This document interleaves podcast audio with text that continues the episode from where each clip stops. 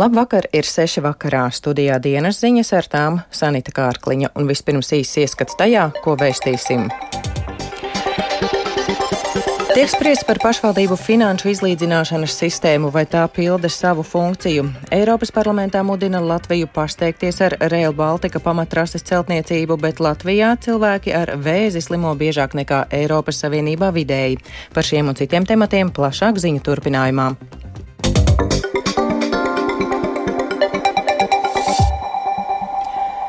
Pašvaldību finanšu izlīdzināšanas sistēma ir aizgājusi pilnīgi greizi. Ar šādu paziņojumu Latvijas televīzijā šorīt klajā nāca Rīgas mērs Mārtiņš Staķis. Rīga apmaksājot arī tādas citu pašvaldību funkcijas, ko likums neparedz. Par vēlamiem uzlabojumiem šajā sistēmā runā arī mazāku pašvaldību vadītāji. Par grozījumiem atbildīgā finanšu ministrija izmaiņas sola izstrādāt pavasarī, vairāk Jāņa Kīņša sagatavotajā ierakstā. Pašvaldību finanšu izlīdzināšana ir vietvaru ieņēmumu un valsts budžeta dotācijas pārdale, lai radītu visām Latvijas pašvaldībām līdzīgas iespējas pamatfunkciju izpildēji. Tādas ir piemēram ūdens apgāde, ceļu uzturēšana, skolu un kultūras iestāžu darbs un pabalstu izmaksa. Pašvaldību finanšu izlīdzināšanas sistēmā maksātāji ir Rīgas pašvaldība un septiņas vietvaras pierīgā. Rīgas mērs Mārtiņš Staķis, kurš pārstāv par progresīvo frakciju, norāda, ka šogad Rīgas vietvaras maksājums šajā pašvaldību finanšu izlīdzināšanas fondā pieaudzis līdz teju 125 miljoniem eiro. Finansējumu vairākas vietvaras izmantos lietām, ko pati Rīga nevar atļauties. Princips eh, finanšu izlīdzināšanai ir tāds, ka ir pašvaldības, kurš netiek galā ar savām pamatfunkcijām, un tad, tad dod klāt papildu līdzekļu. Bet šobrīd jau saņem tās pašvaldības, kurām nav nekāda problēma ar pamatfunkcijām. Liepāja, Ventspils, Sigūda, Ogrē, Jālgava, visas šīs pilsētas ir saņēmēji pilsētas, un te ir jautājums, vai šī nauda, kas šobrīd tiek sadalīta, vai viņa kalpo šim mērķim. Par nepieciešamību pārskatīt pašvaldību izlīdzināšanas mehānismu runāts gan pirms četriem gadiem gan līdz ar administratīvu teritoriālās reformas ieviešanu. Tomēr process aprobežojies vien ar diskusijām darba grupā. Pašlaik šis uzdevums iekļauts arī valdības deklarācijā, solot veicināt pašvaldību ieinteresētību savas teritorijas attīstībā. Šo darbu Finanšu ministrija plāno sākt pēc valsts budžeta pieņemšanas martā. Par vienlīdzīgāku pieeju runā arī Varakļāna novada domas vadītājs Māris Justs no attīstībai par. Viņš pārstāv vienu no mazākajiem novadiem Latvijā. Reiķinot saņemto finansējumu uz vienu iedzīvotāju, novads šogad saņēmis ap 70% no tā, cik saņem pierīgā, vērtē justs. Visā valsts teritorijā pakalpojumi tiek sniegti ar vienādu vai līdzīgu kvalitāti, ko var nodrošināt, saņemot līdzīgu finansējumu, ja mēs negribam attīstīt šo nomaļu efektu. Un tas, ka kādam ir blakus jūra un osta, citam tās nav. Nu, ja mēs esam vienā valstī, vienā teritorijā, tad uh, tas, ko ieņemam no ostas, ir jādala uz visiem, jo iespējams, ka mums atkal ceļus izbraukā vairāk tikai tāpēc, ka tur vēl kaut ko uz ostu. Iepriekš pašvaldību pārstāvji izteikuši cerību, ka valsts līdzdalību pašvaldību izlīdzināšanas fondā plānot nevis viena, bet trīs gadu periodā. Savukārt Rīgas mēra pausto problēmu Finanšu ministrijā analizēs piekdiena. Jānis Kincis, Latvijas radio. Dzelzceļa projekta Rail Baltica pamattrases celtniecību ir svarīgi pabeigt līdz 2030. gadam. Tā intervijā Latvijas radio brīdina Ziemeļjūras Baltijas trenda pamattīkla koridora koordinatore Katrīna Trautmane. Viņa piedalījās šodien Eiropas parlamentā notikušajā projekta Rail Baltica draugu grupas sanāksmē. Atgādināsim, ka nesen kļuva zināms, ka jauno dzelzceļa līniju izdosies pabeigt tikai 2030. gadā. Tātad trīs gadus vēlāk nekā sākotnēji paredzēts. Kavēšanās saistīta ar karu Ukrainā, Covid pandēmiju, inflāciju un energoresursu cenu kāpumu. Trautmane saka, ka interese par projektu īstenošanu ir liela, tādēļ Baltijas valstis nedrīkst vairs tērēt laiku savstarpējiem strīdiem un tām jāsāk aktīvāk tērēt Rail Baltica celtniecībai piešķirtos Eiropas līdzekļus. Before it was a priority. Now Agrāk tā bija prioritāte, tagad tā ir vajadzība. Politiskā līmenī valdības nekad nav bijušas tik aktīvas šī projekta īstenošanā. Tie ir ļoti labi jaunumi, bet tagad mans vēstījums viņiem ir skaidrs. Lūdzu, izmantojiet naudu. Please use the money. Jaunu Eirāzijas transporta ceļu attīstības un alternatīvu koridoru meklējumos Liepājā vizītē ieradusies Kazahstānas loģistikas uzņēmuma Kaz Logistics delegācija kopā ar ASV Starptautiskās attīstības aģentūras USAID pārstāvjiem. Ar Latvijas Stividoru kompāniju asociācijas Liepājas un Vēnspils ostu un autopārvadātāju asociācijas Latvijas autopārstāvjiem runāts vēl par stingrāku kravu pārbaudi starp Eiropu un Centrālāju. Sarunās piedalās arī Kazahstānas Kazahstānas vēstnieks. Rīt sarunas turpināsies Rīgā. Liepājas sēs pārvaldnieks Uldis Smieļevskis Latvijas radio norādīja, ka sadarbība ar Kazahstānu pēdējā gada laikā ir aktivizējusies, jo pasaulē mainījušies loģistikas virzieni. Kazahstānas kravu apjoms Liepājas ostā ir būtiski audzis, gan imports, gan eksports. Jaunas kravu grupas, kādas līdz šim nebija, un mēs arī strādājam pie tā, lai šo sadarbību turpinātu. Tāpēc arī šī vizīte ļoti svarīga, lai varētu Kazahstānas pusē parādīt Liepājas ostas iespējas. Un šai vizītei sekos nākamās, kas ir paredzētas jūnijā, būs liela Kazahstānas uzņēmēja delegācija Latvijā. Tāpat tās saņēmām uzaicinājumu uz ekonomikas fórumu Astanā, kas notiks arī jūnijā. Nu, tad, tad mēs redzam, ka šī starpvalstu sadarbība šobrīd ļoti aktivizējusies. Reģionālās drošības jautājumi, palīdzība Ukrainai un starpvalstu attiecību stiprināšana - tas ir galvenais, ko šodien Rīgā apsprieda Latvijas prezidents Egils Levits un Polijas prezidents Andrzejs Duda, kurš ieradies mūsu valstī oficiālā vizītē. Tikšanās laikā abi prezidenti uzsvēra nepieciešamību atbalstīt Ukrainu līdz tās uzvarai karā pret Krieviju, kā arī runāja par nepieciešamību izveidot īpašu tribunālu Krievijas agresijas iztiešāšanai. Prezidenti apsprieda arī infrastruktūras attīstību reģionā reģionā, kur viens no galvenajiem projektiem ir projekts Rail Baltica. Tam būs ne tikai ekonomiska nozīme, bet arī, kā norādīja Polijas prezidents, militāri stratēģiska nozīme. Karš Ukrainā parādīja, cik nozīmīga ir tūlītēja piekļuve mūsdienīgai infrastruktūrai. Un tas nav svarīgi tikai, lai apturētu ienaidnieku. Lūdzu, atcerieties, ka mūsu darbība NATO ietvaros pirmkārt ir preventīva. Tā ir atturēšanas politika, un es to īpaši uzsveru. Kad mēs pastiprinām NATO klātbūtni šeit, mēs pastiprinām gan sabiedroto spēku klātbūtni, taču mēs palielinām arī militārās infrastruktūras potenciālu savās valstīs. Tādējādi mēs novēršam iespējamo uzbrukumu un atspēkojam potenciālo ļaundari, kuram mēs parādām, ka uzbrukt mūsu valstīm nebūs izdevīgi, jo tas būs ļoti dārgi, un šādi plāni ātri tiks atklāti. Lūk, kāpēc vajadzīga šāda politika.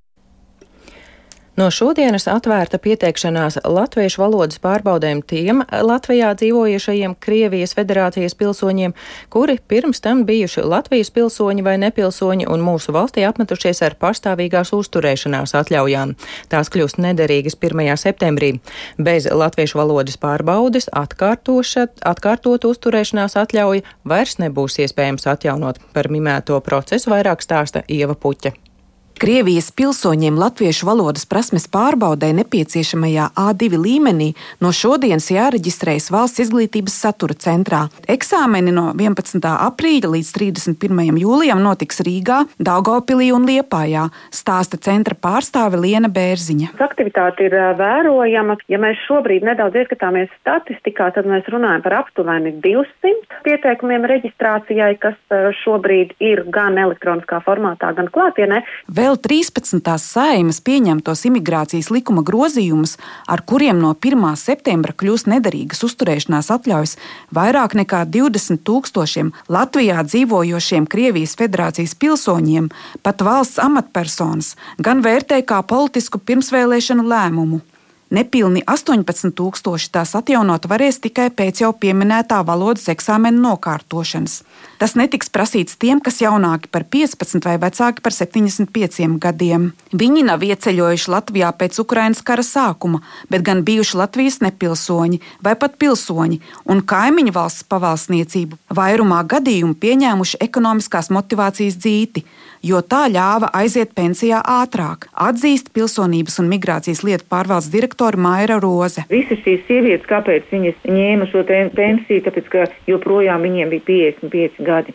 Un tas bija vēl pāris gadus atpakaļ, jo vienu brīdi bija tā, ka varēja saņemt gan Latvijas pensiju, gan Krievijas pensiju. Viņas pašreiz ir vecumā no 60 līdz uh, 70 gadiem. Ja valsts izglītības satura centrā eksaminēšanas procedūras uzsākts raiti, tad PLMP vadība gan pauž bažas par nepietiekumu iestādes kapacitāti.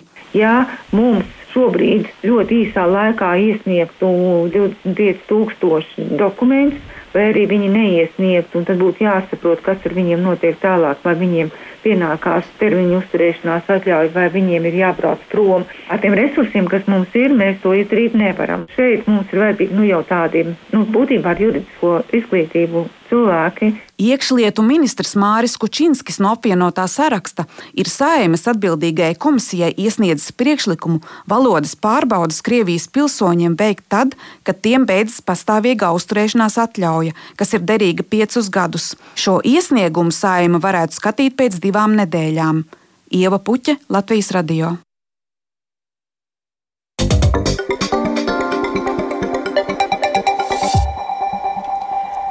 Latvijā ar vēzi cilvēki slimo biežāk nekā Eiropas Savienībā vidēji, un pie mums no visām dalību valstīm ir ceturtā augstākā mirstība no vēža. Tā liecina pirms dažām stundām publiskots pārskats par vēža ārstēšanu un novēršanu.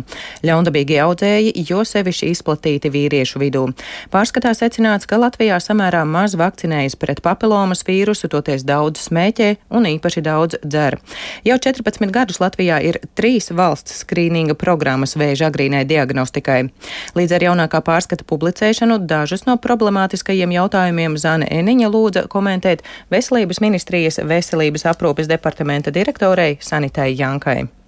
Jā, diemžēl man ir jāpiekrīt tam, ka mums ir šī vēža skrīninga apcere zema, ne tāda, kādu mēs varbūt varētu vēlēties, bet katrā gadījumā um, mēs esam tikušies ar pacientu organizācijām, arī ar NVD un sākam risināt šos jautājumus, kā tad šo apceri palielināt, vai tie ir koordinātors starp vairākām praksēm, jo, kā rāda mūsu pilotu projekta pētījumi, tad pacientis atsaucās uz šo vēža skrīningu izmeklējumu labāk, tad, ja ir uzaicinājuma vēstuli, tam ir arī atgādinājums telefonus. Protams, arī domāt par to, ka piedāvāt konkrētu laiku, lai pašai sievietei nav jāmeklē šī vieta, bet piedāvājot konkrētas vietas. Mēs plānojam, ka tas varētu būt šī gada vidus lieta, ko es gribu piemetināt, kas arī notiek tagad. Ja sieviete vēršas pie ginekologa vai kāda cita speciālista, tad eh, šim ārstam ir iespēja atkārtot izdrukāt no NVD datubāzes šo uzaicinājumu vēstuli, kas kalpo kā nosūtījums.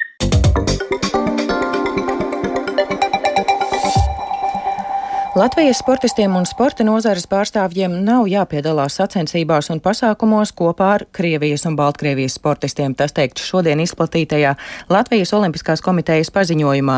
Nosodot Krievijas militāro agresiju pret Ukrainu, Latvijas Olimpiskā komiteja uzsver, ka, kamēr notiek karš Ukrainā, Krievijas un Baltkrievijas sportistu dalība Olimpiskajās spēlēs zem jebkāda karoga ir nepieļaujama. Delfi grupas sporta mēdīju MVP pārstāvis Ingmārs Jurisons Latvijas radio šodien sacīja, ka pēc viņa domām šobrīd ir Olimpisko spēļu pavērsiena punkts. Viņš sacīja, ka sportisti nekur nepazudīs un viņiem būs daudz citu iespēju sevi parādīt. Jurisons norādīja, ka Olimpiskās spēles kā fórums un struktūra tuvojas bankrotam ar visiem šiem Covid laika spēlēm, ar visiem šiem eh, sponsoriem, ar visiem eh, Krievu attaisnojošiem gājieniem un tā tālāk. Es domāju, ka šeit var pašķīst pavisam tas šķīvis, jo tā tīri no lielā sporta viedokļa Olimpiskās spēles kopumā zaudē savu nozīmi jau Jā. diezgan sen. Ir vairāk sporta veidi, kuros tās vairs nav galvenās sacensības, ir vairāk sporta veidi, kuros tās ir pat ļoti nenozīmīgas sacensības, tas pats futbols.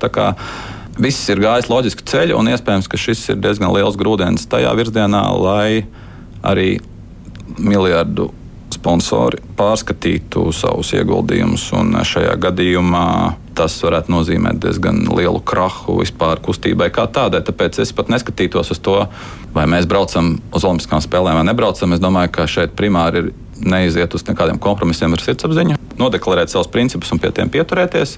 Un nepārdzīvot par to, ka mēs nebūsim vienā sporta formā, kam ir dots nosaukums Olimpiskās spēles. Sportisti nekur nepazudīs. Sportisti ir profesionāļi, viņi darbojās. Viņiem nākamajā gadā būs viņa pasaules čempionāti, Eiropas čempionāti, viss pārējais. Tās ir tik ļoti nozīmīgas lietas uz tā fona, kas šobrīd notiek Ukrajinā, ka to nespēja saprast tikai ļoti virspusēji un sekli cilvēki, un tā skaitā sportisti.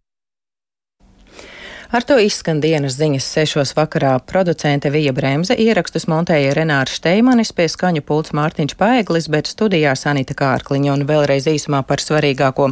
Tiek spriests par pašvaldību finanšu izlīdzināšanas sistēmu, vai tā pilda savu funkciju. Eiropas parlamentā mudina Latviju pasteigties ar Rail Baltica celtniecību, bet Latvijā cilvēki ar vēzi slimo biežāk nekā Eiropas Savienībā vidēji. Yeah.